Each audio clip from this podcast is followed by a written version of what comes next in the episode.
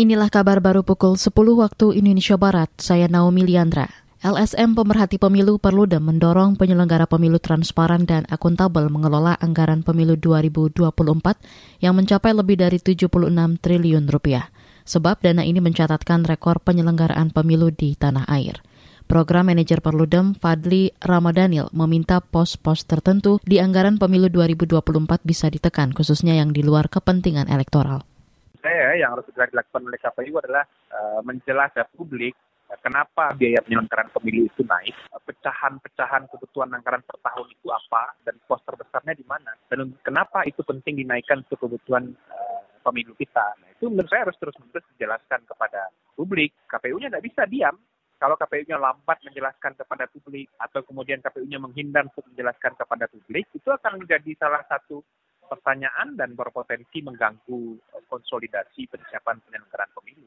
Program Manajer Perludem Fadli Ramadhanil menilai bengkaknya anggaran pemilu 2024 masih wajar. Alasannya antara lain honor dan badan ad hoc yang meningkat tiga kali dibanding pemilu sebelumnya. Pemilu presiden dan legislatif akan digelar pada 14 Februari 2024 dan tahapan pemilu akan dimulai 14 Juni tahun ini.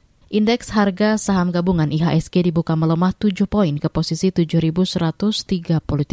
Sementara kelompok 45 saham unggulan atau indeks LQ45 juga turun 1 poin ke posisi 1.029.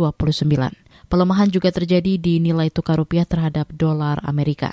Rupiah yang ditransaksikan antar bank melemah 10 poin ke posisi 14.464 per 1 dolar Amerika. Pada penutupan perdagangan kemarin, rupiah ditransaksikan di posisi 14.454 per 1 dolar Amerika. Bank Dunia memangkas perkiraan pertumbuhan ekonomi global menjadi 2,9 persen di 2022. Pada 2021, pertumbuhan global mencapai 5,7 persen.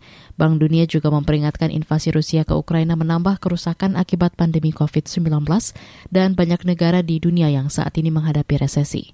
Faktor lain ialah penguncian wilayah akibat COVID-19 di Cina, gangguan rantai pasokan dan meningkatnya risiko stagflasi atau periode pertumbuhan lemah dan inflasi tinggi. Presiden Bank Dunia David Malpass dalam konferensi pers menyerukan upaya mengurangi utang memperkuat meningkatkan produksi pangan dan energi, kemudian menghindari pembatasan ekspor dan impor, serta mempercepat transisi ke ekonomi rendah karbon. Demikian kabar baru KBR, saya Naomi Liandra.